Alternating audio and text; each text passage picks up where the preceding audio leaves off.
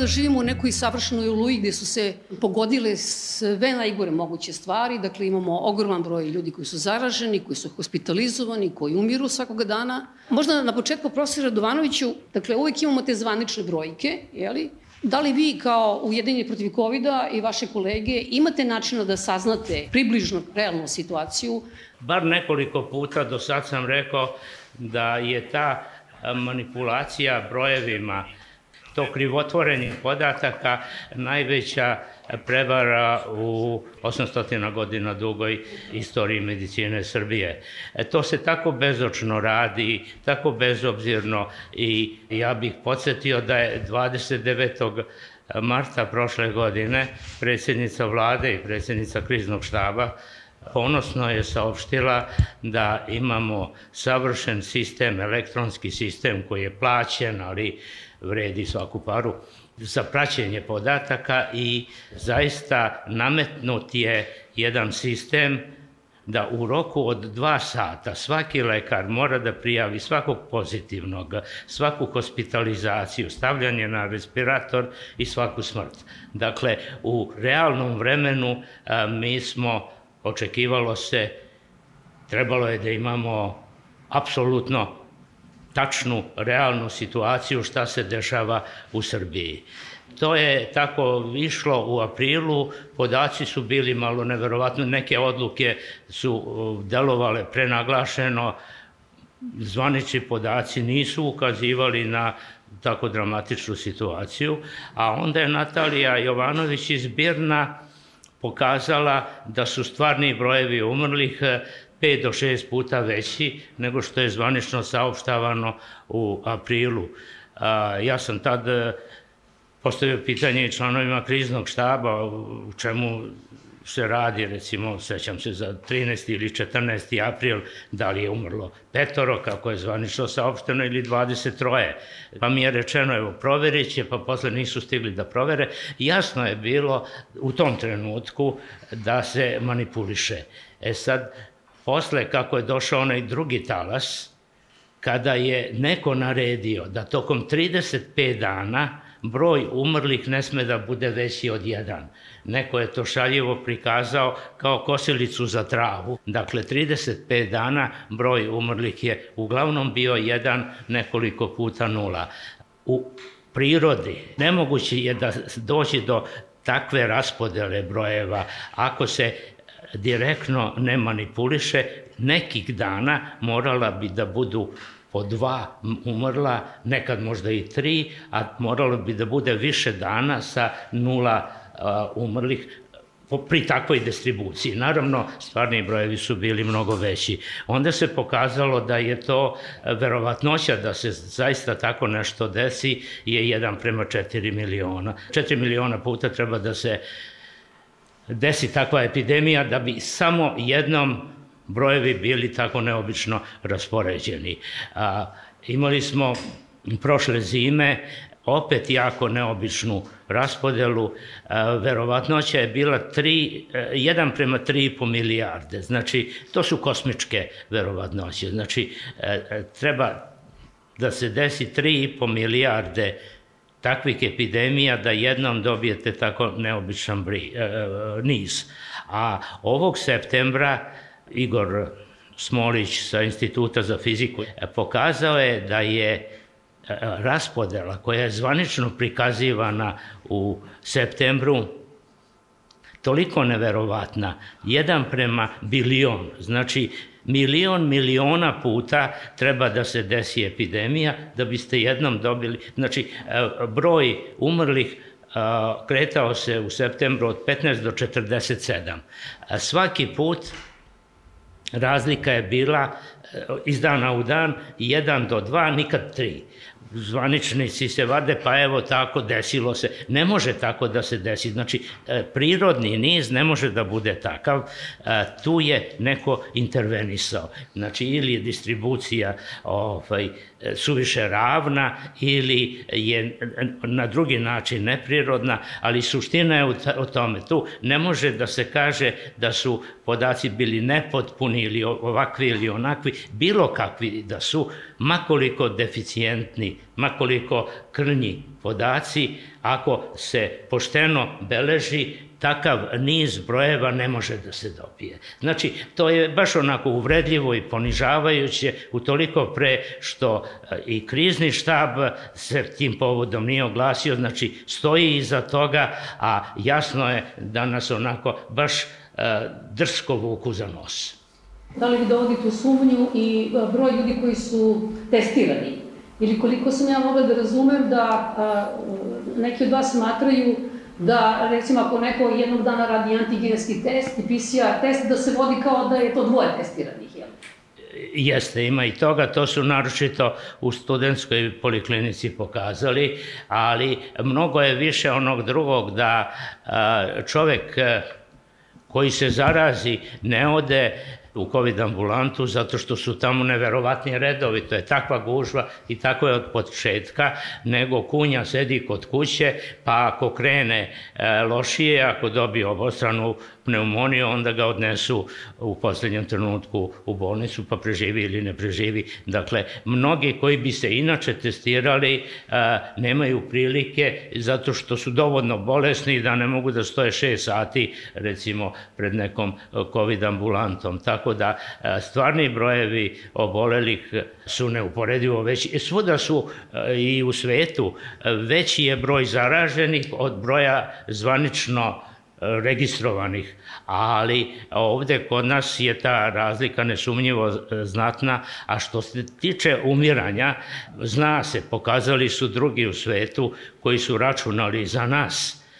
Mi imamo od početka pandemije e, više od 30.000 višak smrtnosti. Znači, umrlo je 30 i nešto hiljada ljudi više nego što bi umrlo da nije bilo ove pandemije. Znači, e, to je e, jako veliki broj, to je pet i po hiljada otprilike na milion stanovnika, tu smo među nažalost vodećim zemljama u svetu. E sad, nismo mi mogli da prođemo bez umiranja, ali ima zemalja, do duše daleko su, Novi Zeland, Tajland, da nema viška, nego je manjak smrtnosti. Manje ih je umrlo nego što bi se očekivalo i to ima logično objašnjenje, jer su postojale mere, maske, rastojanje i onda je bilo manje respiratornih i drugih bolesti Dakle, u tim zemljama manje je umrlo nego, ali ima i e, drugi, recimo, u Evropi, evo Island ima 150, a mi 5,5 hiljada umrlih na milion. Dakle, oni su pro, prošli 30 ili 40 puta bolje. To su enormne razlike i tu se postavlja pitanje odgovornosti. Zašto mi nismo prošli sa, recimo, 3000, a ne sa 35.000 umrlih? Ono sve što nam se dešava je to zbog čega smo se mi i, i osnovali. Već tada se znalo, kada je to sve počelo i kad smo imali onaj, onaj najsmešniji virus, pa onda ono celu priču nakon toga ona zatvaranja, pa ne znam, mala groblja, pa nakon toga utakmice i koncerte, pa odsustvo svih mera i nakon toga izbore. Nama je kao ovaj, lekarima bilo jasno da, da je to, to je došlo nakon minutu 12 i da ako mi, ako mi ostanemo u svom nekom tom konformističkom uglu, jer većina nas koji smo tu su onako ovaj, prilično dokazani profesionalci u svom poslu i a, ti ljudi koji su se inicijalno krenuli sa tom peticijom, niko tu nema nikakvu političku ambiciju ovaj, u smislu klasične politike. Tada se okupilo nekih desetak, malo širim priču, pa čisto da vam to pojasnim. Okupilo nekih desetak kolega ispred crkve Svetog Marka koji nisu želeli da se predstave imenom i prezimenom. Ja sam došao u kontakt sa dvoje kolega koji su iz tog kruga i pokušali smo nešto da uradimo. Smatrali smo da bi bilo jako dobro ako možemo da okupimo 100 lekara koji smeju imenom i prezimenom da stavimo iza, iza jednog takvog proglasa poput ono koje smo mi ovaj, tada izneli u javnost, da tražimo odgovornost za to što se dešavalo, kako stvari prosto ne bi otišli dalje. Nekako smo prošli is, ispod radara i uspeli da skupimo 330, čini mi se nešto kolega, nakon čega je već sve to krenulo i krenuli su pritisci i to je jako brzo, kao što znate, narastlo na oko 3000 ljudi.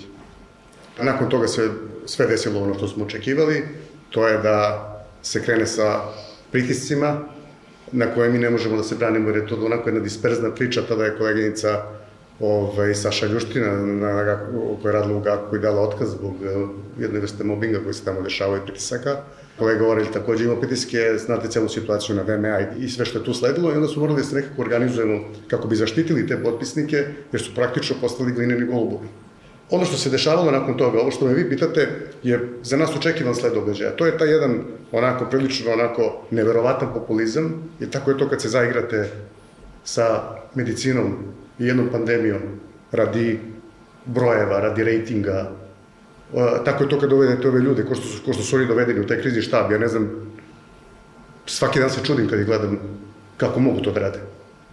I mi smo morali, morali da sačuvamo lično dostojanstvo, da, da pokušamo da, da, da sačuvamo i dostojanstvo struke u tim i takvim vremenima i to je osnova zbog čega smo mi prosto izašli sa tom pričom. Bilo je jako bitno da u izvršnom odboru i savetu imamo čvrste ljude, kako se ne bi polomili iznutra i mislim da smo to uspeli da postignemo. Taj jedan neverovatan populizam koji se kod nas dešava kada pričamo o, o borbi protiv ovog virusa je prosto stalno iznova vođen. Mi praktično, po mom nekom uverenju, nikada nismo imali nijednu meru koja je imala apsolutnu ideju i cilj da ljude polako i smisleno vodi kroz jednu pandemiju. Mi smo imali samo ad hoc pokušaje koji su na, na kratko dizali nekome popularnost. Iz tog razloga, ono što smo mogli u tom trenutku, to je da se vraćamo na zakonska rešenja. Zakonska rešenja su ta komisija za borbu protiv zaraznih bolesti, koju čine profesionalci, kakve god da su nam institucije, oni delegiraju te ljude, tu je ministar sa njima, da se ta stvar koliko može vrati pod okrilje, sa sada već je ta reč onako postala isprazna struke. Mi smo izgubili godinu dana. Mi smo u januaru mesecu tražili da se razmotri obavezna vakcinacija za određene kategorije. Sad smo u jednoj onako prilično beznaležnoj situaciji. Ja tu se vraćam na tu priču. Kada se tako zaigrate sa pandemijom, sa takvim motivima, onda dođete u ovako beznaležnu situaciju. Isforsirate sve te ljude na nacionalnim frekvencijama da mi ne možemo da se pojavimo, da pričaju kako virus ne postoje i bave se ne znam kakvim teorijama zavere. E, nakon toga, kad vidite da je sve otišlo predaleko, onda molite ljude da se vakcinišu. A nemate snagu da bilo šta uradite jer se plašite. I, I mislim da je svima jasno o čemu se ovde radi, da mi više ne trebamo o tome da pričamo na, na način kako ovaj, šta treba uraditi. Ovde treba potpuno resetovati ceo sistem da bi se o tome pričalo. Prva stvar, mi što se mene tiče, imamo svaki dan dan žalosti. Svaki dan umire između 100 i 200 ljudi. Ovde trebaju da budu sastave spuštene na pola koplja. Da se sluša ozbiljna muzika. Da se ukinu reality. A nakon toga da se kazne i uklone iz medija ljudi koji govore o teorijama zavere, pa da se krene na neku obaveznu vakcinaciju, pa da se uvedu mere, pa na kraju da vi dođete do nekih COVID propusnica koje bi važile na jedan sistem, jedno društvo koje je to shvatilo. Mi to sada, naravno da nemamo, i ja zaista ne znam u jednom ovako sluđenom ovaj, društvu na koji način to može da se uredi. Ja se samo nadam da će u jednom trenutku akademska javnost ljudi koji brinu o budućnosti ove zemlje, svoje dece, nekako da se ovaj, aktiviraju u smislu da podrže jednu inicijativu da se ovakav više besmislene stvari ne događaju, da, da se sistem resetuje u smislu makar borbe protiv pandemije od početka. Hvala vam, doktorko Gavrilović, vi ste mnogo vremena proveli u crvenoj zoni. Imam utisak da među vašim kolegama vlada već i bes i ogorčenje i nemoć Gradska bolnica je peti put u, u COVID sistemu, ja više ni ne pamtim vreme kad, kad nismo bili u njemu, mi smo se stvarno nadali da će na neki način da se pomogne i nama i, i, i pacijentima, međutim, e, taj bes, ta ljutnja, to ogorčenje, to razočarenje, to je prošlo, mi smo pregoreli. I porazno je kada čujemo da je država uradila i više nego dovoljno, jer, na primer, izgradnja tri COVID bolnice, nove, Nama nije pomoglo da se izvučemo iz toga, bez obzira na Batajnicu i na Kruševac i na Novi Sad. Mi smo i dalje u COVID sistemu, znači ništa se nije promenilo za ne COVID pacijente i za nas koji nismo naučili ništa, odnosno nismo bili spremni da uđemo u ovo. Mi smo svi hibridni COVID doktori. Mislim da u startu nije e, objašnjeno dobro šta znači kad bolnica uđe u COVID sistem. Jer tog trenutka kada ministar odluči da, da se neka bolnica uključi u COVID sistem, u toj bolnici staje sve. Znači, zatvara se porodilište, zatvara se oralo za decu, zatvara se hirurgija, operacije staju, interna medicina ne radi, diabetičari, asmatičari, maligni pacijenti više ne dolaze. I to je sada jedna ustanova gde na 450 postelja, pričamo o bolnici gde ja radim, uh, leže pacijenti koji imaju samo COVID pneumonije i komplikacije, odno multisistemsko ovaj, uh, zahvatanje organa u okviru covid i mi svi bez obzira na našu primarnu specializaciju, daću samo primer patologa, koji se obdukcija prelaze na, na pacijente, postajemo hibridni COVID doktori koji se bave samo time. Konkretno ja sam neurolog. Mi mesečno imamo oko hiljadu pregleda van COVID sistema. Oko hiljadu prvih pregleda, ne kontrola, oko hiljadu prvih pregleda koje pružamo neurološkim pacijentima.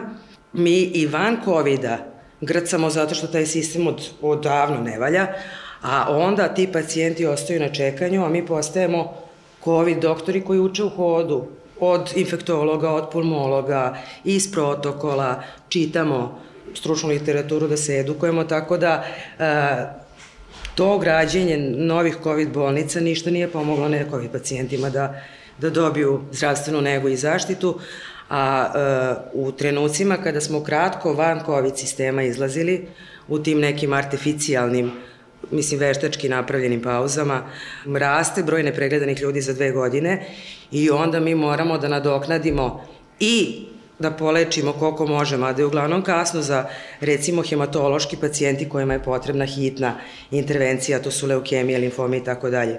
Njima ako se ne pruži pomoć u vrlo kratkom vremenu, oni nemaju, nemaju prostora da sačekaju dve godine. Mislim, porodilje ne mogu da odlože trudnice svoj porođaj za dve godine. Onda mi nadoknađujemo to, a mimo toga što se sukcesivno nagomilava broj ljudi koji čeka, se opet osoblje iz ne COVID bolnica povlači u COVID bolnice, odnosno ide na ispomoć u batajnicu, tako da je to jedno presipanje i šupljeg u prazno gde nema kraja, jer kad si u ne COVID-u pomažeš COVID bolnici, kad si u COVID-u opet to radiš, tako da ne vidim možete e, način da se to nekako reši, a pacijenata sve više, invaliditet sve veći i mortalitet naravno moram da se nastavim na, na ovo što je profesor Radovanović rekao za, za krivotvorenje brojeva. Nama je bilo jasno u jednom danu, u aprilu prošle godine, nezavisno od statistike koja je neumoljiva, da brojevi nisu realni, jer e, cifra koju su iznali na kriznom štabu za celu Srbiju je bila manja nego cifra koju smo mi imali u dva KBC-a u Beogradu. Prosto se čujemo telefonom i pitamo koliko vam je ljudi umrlo. Saberemo dva KBC-a i dobijemo cifru koja premašuje broj za celu Srbiju, tako da mm, iz ovoga izlaz postoji, ali ako je radikalan, e, medicina je okrenuta na opački i potpuno sumanuto postavljena da se sada provlači taj neki narativ bolje lečiti nego sprečiti, što je potpuno, mislim, gradnja COVID bolnica dolazi u obzir posle sprovođenja svih protivepidemijskih mera, to profesor najbolje zna, ja stvarno nisam pozvana da pričam o tome, ali znači kada sprovedeš rigorozne protivepidemijske mere, preventivu i vakcinaciju, onda dolazi u obzir lečenje. Ne možeš da pustiš da se ljudi razbole, da dođu na ivicu smrti, pa da ih onda ti lečiš u nekim, ne znam kakvim COVID bolnicama i ne znam kakvim terapijama, za koje i dalje ne znamo kako deluju, jer su to sve e, pokušaje i pogreške, jer leka protiv COVID-a nema. Ima ljudi koji bi mogli da, da ovu krizu izvedu onako kako treba, ali to bi podrazumevalo da se pre svega politika izvuče sa terena struke. Ja sam o tome već i govorio javno. Ja smatram da je taj upliv politike na, na, na teren struke možda i opasniji virus od, od, od COVID-19 i da u nekoj perspektivi zaista može da odnese i više života. Skoro svi su ovaj, lekari u ovoj zemlji i zdravstveni radnici ujedinjeni protiv COVID-a ja bih tu izuzeo samo one koji su, da kažem, direktno po nekim političkim linijama i zahvaljujući nekoj negativnoj selekciji ovaj, došli u poziciju da odlučuju i u poziciju da upravljaju. I vi onda kad imate to neko više decenijsko, ali tako, e, e, djelovanje koje se zasniva na negativnoj selekciji i principu politike, pa naravno da će onda kada dođete u realnu krizu i u realan problem, vam se dešavati ovo što se nama dešava. Dakle, Osnovni problem ovde jeste što ljudima koji znaju da u ovoj situaciji nešto rade, ovaj, nije dozvoljeno da to rade. Jednostavno ovde je osnovni problem upliv politike i to što se nama dešava i što mi živimo ovaj, u poslednje vreme je jako izraženo zato što je sada na terenu smrt. Odnosno jedna ozbiljna bolest koja, ko, koja donosi smrt i to je po meni potpuno nedopustivo.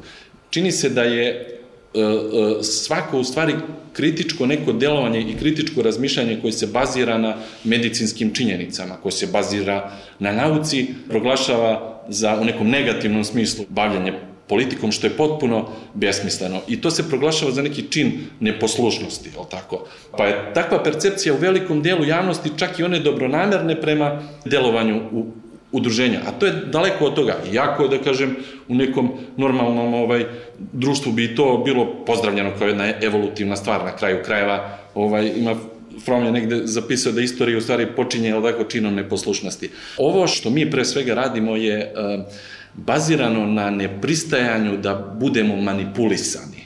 Ono što neki od nas više, neki manje rade kroz neko javno delovanje, gde profesor sa ovim brojem godina je do te mere aktivan, to je, kako bih vam rekao, to je za svako poštovanje i to je nešto što ovaj, bi u stvari ova javnost trebalo da prepozna kao pokušaj da se ovde jednostavno zdrav razum negde čuje, nažalost se on ne čuje, jer smo mi zatrpani sa pored covid nas zatrpavaju razno raznim informacijama. Jednostavno, mi kao društvo nismo uspeli da se e, da dođemo do tog nekog e, stadijuma da shvatimo šta je prioritet, a u ovom trenutku je prioritet to što su ljudi bolesni, što ljudi umiru, što nemaju mesta u bolnicama, što je ovaj sistem u tom stanju da se vrlo teško može nazvati sistemom, već jednom olupinom koja jednostavno nije u stanju ni da generiše jednu jasnu poruku prema ljudima i onda mi dobijamo to što dobijamo da se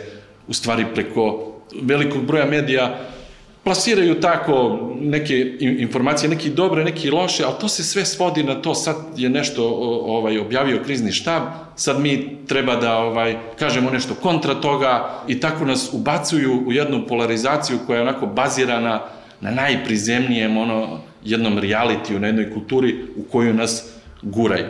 A u stvari moralo bi da se sve potpuno izvuče na jedan teren profesionalizma pre svega, na jedan teren nauke i, i, i medicine i to se nažalost ne radi neko ili ne ume to da uradi ili ima interes da to ne uradi tu trećeg e, objašnjenja jednostavno ne. Sramotno bi bilo za državu kada ne bi bila sposobna da sprovede elementarne mere e, u cilju zaštite e, stanovništva. Dakle, to što je pominjano da ima malo inspektora, To nam se dešavalo i ranije, ali to je stvar loše organizacije sistema. Kada se kaže, to je bilo i 2009 kad je bila pandemija gripa, svinskog gripa, pa evo imamo malo sanitarnih inspektora, pa prebaci ove druge inspektore, jer postoji generalni a, inspektorat u okviru sistema, a baš ka što u institutima i zavodima za zdravstvenu zaštitu svi osim a, sektora za zarazne bolesti su bili pasivni. Dakle, angažujete sve moguće. E, to je trebalo i prošlog aprila, ono kada a, oboleli nije mogao da dođe, to je bio sistem na papiru korektno zamišljen, javite se epidemiologu. Ja sam izgubio više e, poznanika i prijatelja jer su me zvali, e, pa kaže ne može da se dođe do epidemiologa. Nisam mogao ni ja da dođem. To je stvar, e, znate, razlike između teorije i prakse. Vi smislite nešto što ne može da se, znači, bilo je potrebno iskusne više tehničare, sanitarne tehničare, socijalne medicinare, sve ostale angažovati i onda bi sistem funkcionisao. Ovde jasno je da treba angažovati ostale. Ja sam u životu nekoliko puta imao ovlašćenje sanitarnog inspektora, mada nisam inspektor, ali kad je gusto, kad je bila variola, kad je bila ona poplava 1981. E, nekoliko drugih posebnih e, situacija, znači imao sam ovlašćenja, dobio privremenu dozvolu Postoji načina, pogotovo što mi imamo brojnu, ne zna se ni koliku, komunalnu policiju koju vi ne viđate, zato što oni imaju druge zadatke, da kada neko od nas nešto napiše, onda da botuju, da nas kritikuju i a, umesto da rade svoj posao. E pa sad ajde da urade nešto na polzu ovog naroda, nek sprovode tu meru i neke kontrolišu. Tu postoji sasvim drugi problem što mi imamo taj politikanski pristup što odluke od toga šta će da se radi i koliko će da se suzbija epidemija zavisi od toga šta kažu institucije za ispitivanje javnog mnjenja, da li je to probitačno po rejting jedne političke grupacije. I to je velika tragedija kad vi imate s jedne strane umiranje masovno, a s druge strane tu sitnu kalkulansku politiku da ću da izgubim neki glas. To je ogromna, enormna uh, sramota i to će se postaviti jednom kao pitanje masovno umiranje zbog nečinjenja je zločin koji ne zastareva. Ova pandemija je u stvari samo ogolila sve probleme zdravstvenog sistema, nisu oni počeli sa epidemijom, oni traju odavno i E, počeši od zabrane zapošljavanja u zdravstvu, pa onda preko stopiranja specializacija, preko uh, ovog presipanja uh, postojećeg kadra, preko, uh, sad se spominje podatak o 14.000 zdravstvenih radnika na birovu, a ne tri, koliko se spominjalo ranije, nezaposlenih ljudi. Ova pandemija je samo ogolila veliki problem, jer prvo, sistem nije funkcionisao ni ranije, manjak specijalista u sekundarnim zdravstvenim ustanovama je u startu bio oko 40 do 50% na svakom odelenju, a sada su i ti specijalisti angažovani za rad u sistemu COVID za koji oni nisu nikad bili spremni. Uh, tako da, uh, samo se produbila ta ta, ta problematika i evo recimo juče, preključe se ja čujem sa Vukom, ja kažem kako vi funkcionišete na banjici, kaže on Anđela sve je stalo, ono gde tercijarna ustanova treba da radi Mm, operativni program ortopedski hiruški je stao jer su oni zatrpani traumama. Isto tako i kod nas, recimo nama se pacijenti javljaju, to su messengeri, to su Viberi, to su poruke po društvenim mrežama. Ovaj, nemaju gde da odu, a mi smo se dugo pitali zašto privatna zdravstvena zaštita nije ušla u, u sistem za, za borbu protiv COVID-a i zašto se oni sad nisu uključili i kako sad postoje ta dva paralelna univerzuma gde, gde državni sistem e, zdravstvene zaštite stoji i podređen je ceo COVID-u, čak i ustanove koje nisu sada u COVID-u, recimo Zemunska bolnica Grca, jer ti ne možeš jasno da odvojiš COVID i ne COVID pacijente. E, juče mi se javlja drugarica sa urgentnog centra, kaže i oni su sada u nekoj vrsti karantina jer je ušlo i urgentni, mislim što je neminovno, naravno ne možeš sprečiti da, da zaraza uđe, to je svuda oko nas, bez obzira na antigenske testove i tako dalje tako bliže.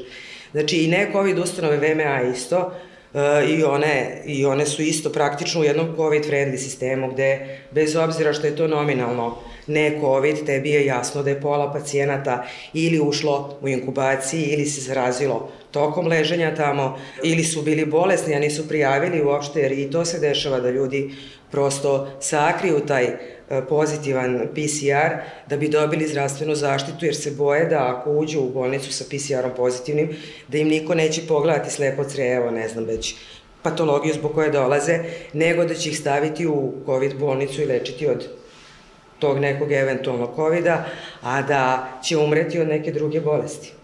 Tako da, umeđu vremenu je puno kolega dalo otkaz od kada, ovaj, od kada je počeo ovaj COVID, zato što su prosto uh, zablokirani da rade ono zašto se školuju. Puno smo kolega izgubili. Uh, ljudi odlaze u penziju, oni se ne nadomešćuju novim kadrom, jer njega nema. I ta se rupa samo produbljuje i iz toga izlaza sada nema, a kako se grade ove nove bolnice, ja ne znam s kojom idejom, e, niče zgrada u kojoj fakat nema ko da radi. Tako da i ovo malo nas, mislim, zdravstveni sistem u, u državnim ustanovama e, funkcioniše jedino i isključivo e, zahvaljujući entuzijazmu pojedinaca. I taj entuzijazam polako opada zato što nemamo mi snage, znate kako, mi se borimo protiv ove boleštine koja je mnogo ružna i mnogo je užasna i kako dani odmiču vidimo da to ne štedi ni porodilje, ni trudnice, ni decu, nažalost. Mislim, svaki gubitak je strašan bez obzira na to koliko pacijent ima godina. Borimo se sa tom jednom boleštinom o kojoj i dalje ne znamo ništa u smislu nekog pravog lečenja. Onda se borimo protiv tih lažnih informacija, poloinformacija, šarlatana, ljudi koji traže neki, neku pažnju, neki prostor za sebe na uglavnom medijima sa nacionalnom frekvencijom koji potpune budalaštine pričaju i zavode ljude koji, mislim, prirodno je, ja razumem da će čovjek da poveruje da će lakše da mu pomogne Pavlovićeva mast nego maska, ali uh, onda imate i borbu na tim frontovima, onda svoje slobodno vreme posvećujete tome da, a ne možeš da se repariraš iz smene u smenu, da se odmoriš od od, ovaj, od rada u crvenoj zoni, a, slobodno vreme posvetiš tome da tim pacijentima koji su ne COVID, koji su tvoji neki dugogodišnji, moje multiple skleroze i tako dalje. Ili a, se posvećuješ tome da stvarno radiš na, na m, m, poboljšanju te opsega u vakcinaciji. A, prosto, ovo nas malo, koliko nas ima, ne možemo na svim frontovima da funkcionišemo više, a da ne izgorimo. I meni je potpuno jasno kad se ovo završi da će pola nas zaista da okači mantila, ne samo da ode, nego da prestane da se bavi medicinom, jer je bavljanje, mislim, medicinom u Srbiji jedan, jedan rat ne samo za zdravlje ljudi, nego i za zdravu pamet i za, i za nešto na čemu se medicina zasniva od kad postoji, a što je sada potpuno, kako da vam kažemo, bezvređeno i okrenuto na opačke, sumanuto potpuno šta se sve dešava i prosto mi za to nemamo kapaciteta više. Mislim da je suština u tome što je Anđela rekla da da je, da je stvar nekako ostavljena ovaj, na nekoj ličnom ovaj, angažmanu pojedinca. I samo jedan kratka digresija da, da, da, da je pojasnim da ne bi bilo nedoumica. Znači, Banjica sa značajno redukovanim brojem anestezijologa radi, međutim, ne radi elektivni program, ne radi te liste čekanja koje su ogromne, više tim ljudima nema šta da se kaže posle tih godina čekanja na operaciju, jer smo i pretrpali smo traumom i prinuđeni smo da radimo traumom u tom nekom smislu. Ajde da se vratim na ovo. Ta lična angažovanost pojedinca je bukvalno jedino što je ostalo. Strašno je to kad, kad nemate nikakav osjećaj sigurnosti u, u društvu. Jer vi sad kad pogledate sudstvo, ne znam, policiju, ja recimo kad pogledam policiju i, i te ljude koji će ovaj, to da kontrolišu, ja se nekako setim, ne znam, tih prebijenih ljudi koji leže bespomoćno ili u parkovima, ne znam. Ili, ili gledam realitije u koj, o, na televiziji u kojima se trenutno se na ovim u tabloidima sudi, ja mislim, celom našem policijskom vrhu za nešto. To dovoljno govori, ja mislim, i o pravosuđu. Znači, govorimo o tome da, da se osjećate da ste sami i ne osjećate sigurnost. Interesanta tema uvek se setimo i kad smo krenuli u sve ovo, to je taj Beogradski univerzitet, recimo, ovaj, po mom nekom uverenju, on je izgubio tu autonomiju. Reklo bi se, slomio je zube na jednom doktoratu. Ja mislim da nije, ih nije ni imao. I, i, I hoću da kažem da godine poslušništva i godine trpanja po tepih, neće to meni da se desi, su dovele do, do ovog stanja. Danci su radili jednu genijalnu studiju, ovaj, oni imaju ogroman obuhvat vakcinacijom, čini mi se da je ovaj, od ukupne neke populacije to skoro 90 procenata i u stvari pokazano je da je eh, odnos eh, stanovništva prema uh, vakcinama i prema vakcinaciji kao, kao meri za suzbijanje ove pandemije direktno proporcionalan sa poverenjem ljudi u državnu upravu. To je na ovom uh, našem terenu uh, vrlo jasno može da se prevede, jel tako, na, na, na to da se njima ne veruje. Jer način na koji je komunicirana pre svega pandemija, a onda i vakcinacija je da je sve vreme to rađeno u neke populističke svrhe sa merenjem rejtinga i tako dalje, pa se zato, ja ne vidim razlog zbog, zbog čega se predsednik nije vakcinisao prvi ovaj, kao, kao primer pre svega, ali tako, svojim biračima i opšte kom, ovaj, kompletnom građanstvu, nego je to tako objašnjavano na neke demagoške ovaj, uh, načine tipa da ima za druge tako, nemojte, molim vas.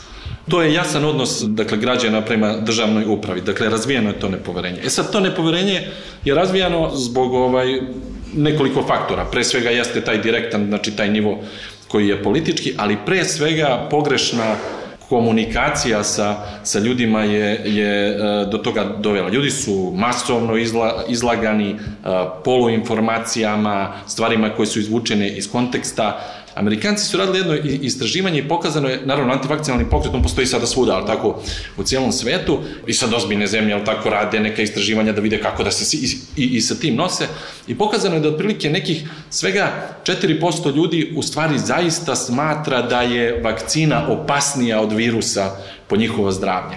Ali na to isto pitanje nekih 20% ljudi odgovara sa ne znam, možda nisam siguran. Dakle, oni imaju strah koji je baziran jednostavno na neznanju i na nedovoljno tačnim informacijama. Pa bi se onda u stvari, kad to prevedemo kod nas, znači taj procenat je mnogo veći, nisu svi ti ljudi ti zagriženi antivakseri, nego su pre svega izloženi toj orkestriranoj jednoj kampanji, pre svega doći ću i na to, dakle oni su izloženi tim Viber porukama, tim što dobijaju na društvenim mrežama, onim što im se govori sa nekih televizija, nažalost i tako, i naravno da onda dolaze ovaj, u realne dileme. Znači, ljudi imaju realne strahove. I toj populaciji tako i treba prići. Znači, treba e, raditi na tom zdravstvenom prosvećivanju i na pojašnjavanju svih tih mitova koje su e, koji su se pojavili, jel tako, umeđu vremenu i kod nas su dosta dugo prisutni, ali bi to moralo da se radi planski, ciljano, Dakle, sve obuhvatno, da se radi edukacija dece u vrtićima, u osnovnim školama, u srednjim školama, da onda oni te informacije nose kući. Za to se moglo angažovati ovi nezaposlene kolege, jel tako, sa, sa biroa studenti medicine i tako dalje. Javni servis je mogao da napravi nešto što se zove obrazovni program, a ne sad vi da dovedete, ne znam, u jutarnji program dva, tri stručnjaka ili ne znam, u neku emisiju, pa oni sad pričaju, pa to je, mislim, to nije način. Jednostavno, moglo je da se to uradi na vreme, da bi se dobilo na tom obuhvatu koji je sigurno mogao da bude veći. E sad, to nije urađeno očigledno zato što oni donosioci odluka, kao što sam vam malo pre rekao, ili ne znaju ili nisu želeli. U velikoj meri to ima veze sa tim kakva je opšte ta politička klima kod nas i ta garnitura koja vlada, ona u principu zna da se bavi propagandom, znači to je, to je svima jasno, ali moguće je da u stvari oni marketing doživljavaju samo kao jednu opsenu prostote, dakle da, da kad treba da se iskomunicira nešto što je e, realno i nešto što je istinito, nešto što je pre svega nauka, možda zaista sa tim imaju problem. Masa tih profila na društvenim mrežama su u stvari lažni, dakle to nisu realni ljudi, znači tu postoji neka ekipa koja to radi iz neko sa nekim ciljem, sa nekom idejom. Ovaj, oni koriste te mehanizme takozvanog uh, firehose of falsehood, što je ovaj, ta neka propaganda koja se stvari zove zapljuskivanje neistinama, gde vi u stvari non stop ponavljate potpune besmislice i iscrpljujete, jel tako, znači sagovornika koji besmisleno je, vi, vi ne možete ljudima da objasnite da virus je izolovan, kad vi sad sa hiljadu nekih kanala dobijete kao nije, nije, nije izolovan, a ne znam, na PubMedu kad ukucate u bazi podataka, ono imate već na stotine radova, mislim iz svih zemalja sveta da su svi ga izolovali i tako dalje.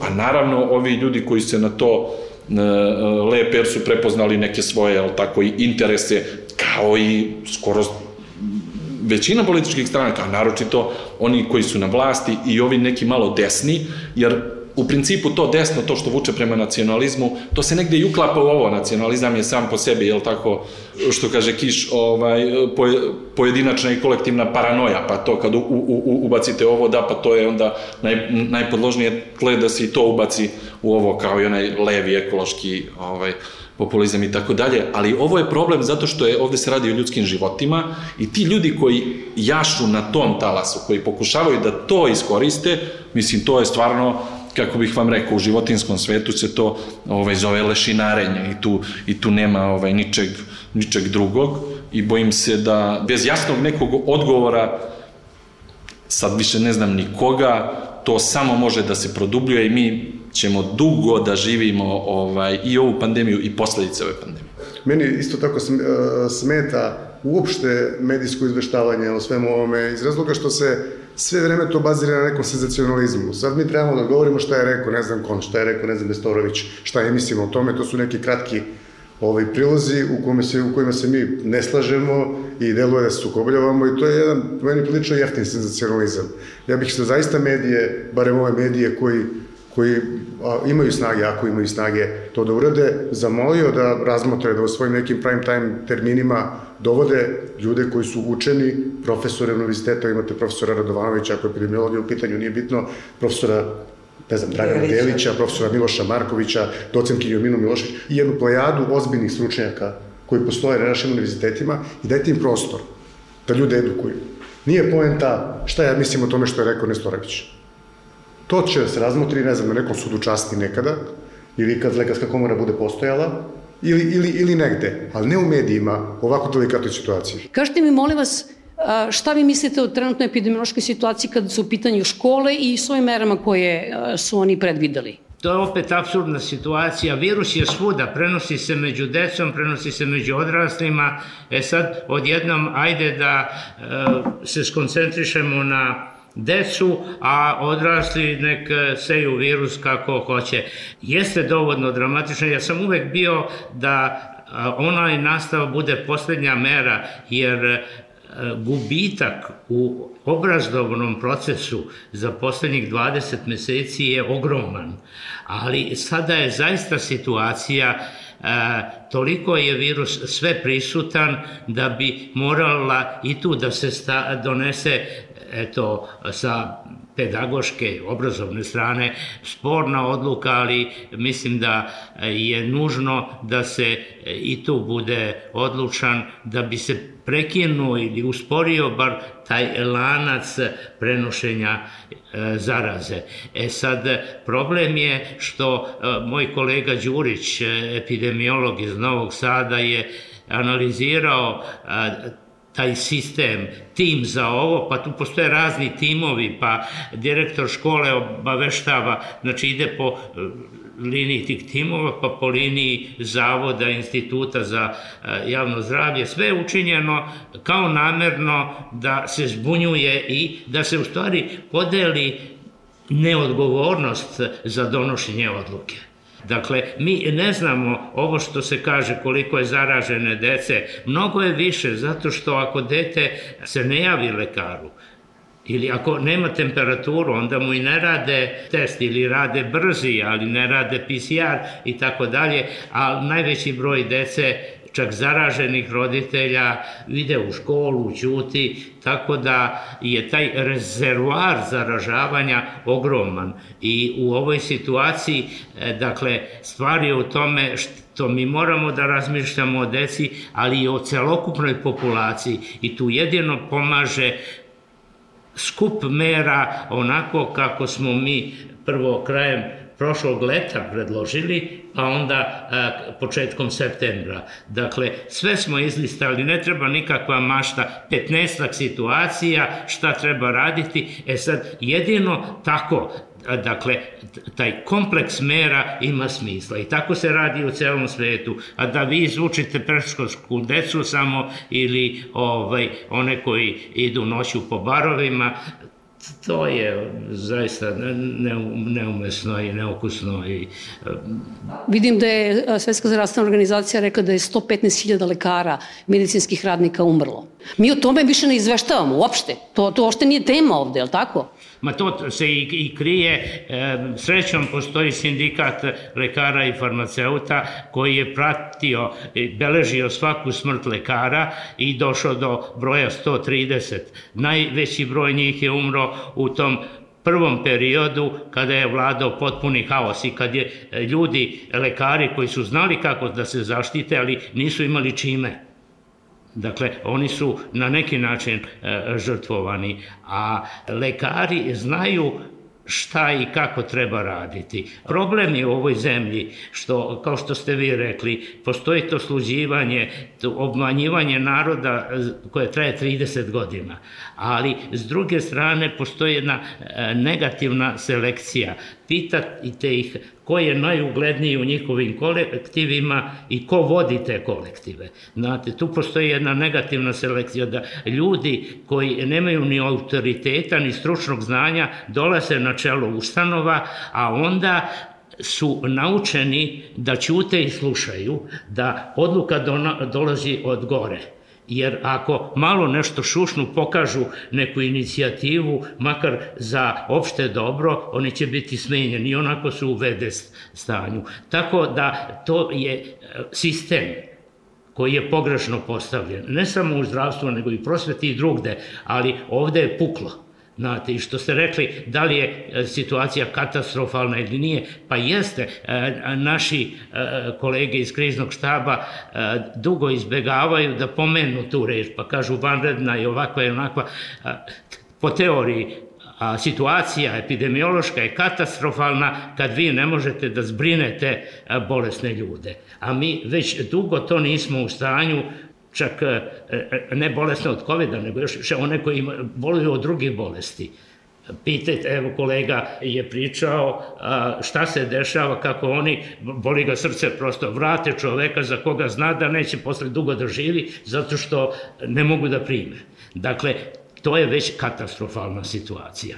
Kolege iz kriznog štaba e, često kažu oni neće da se bave politikom, oni se u stvari žestoko bave politikom jer struka nameće potpuno drugu strategiju borbe protiv ove bolesti a, i a, odstupanje od tih stručnih uzusa je jasno podleganje političkim pritiscima, tako da su oni jako politički orijentisani i opterećeni tim problemom.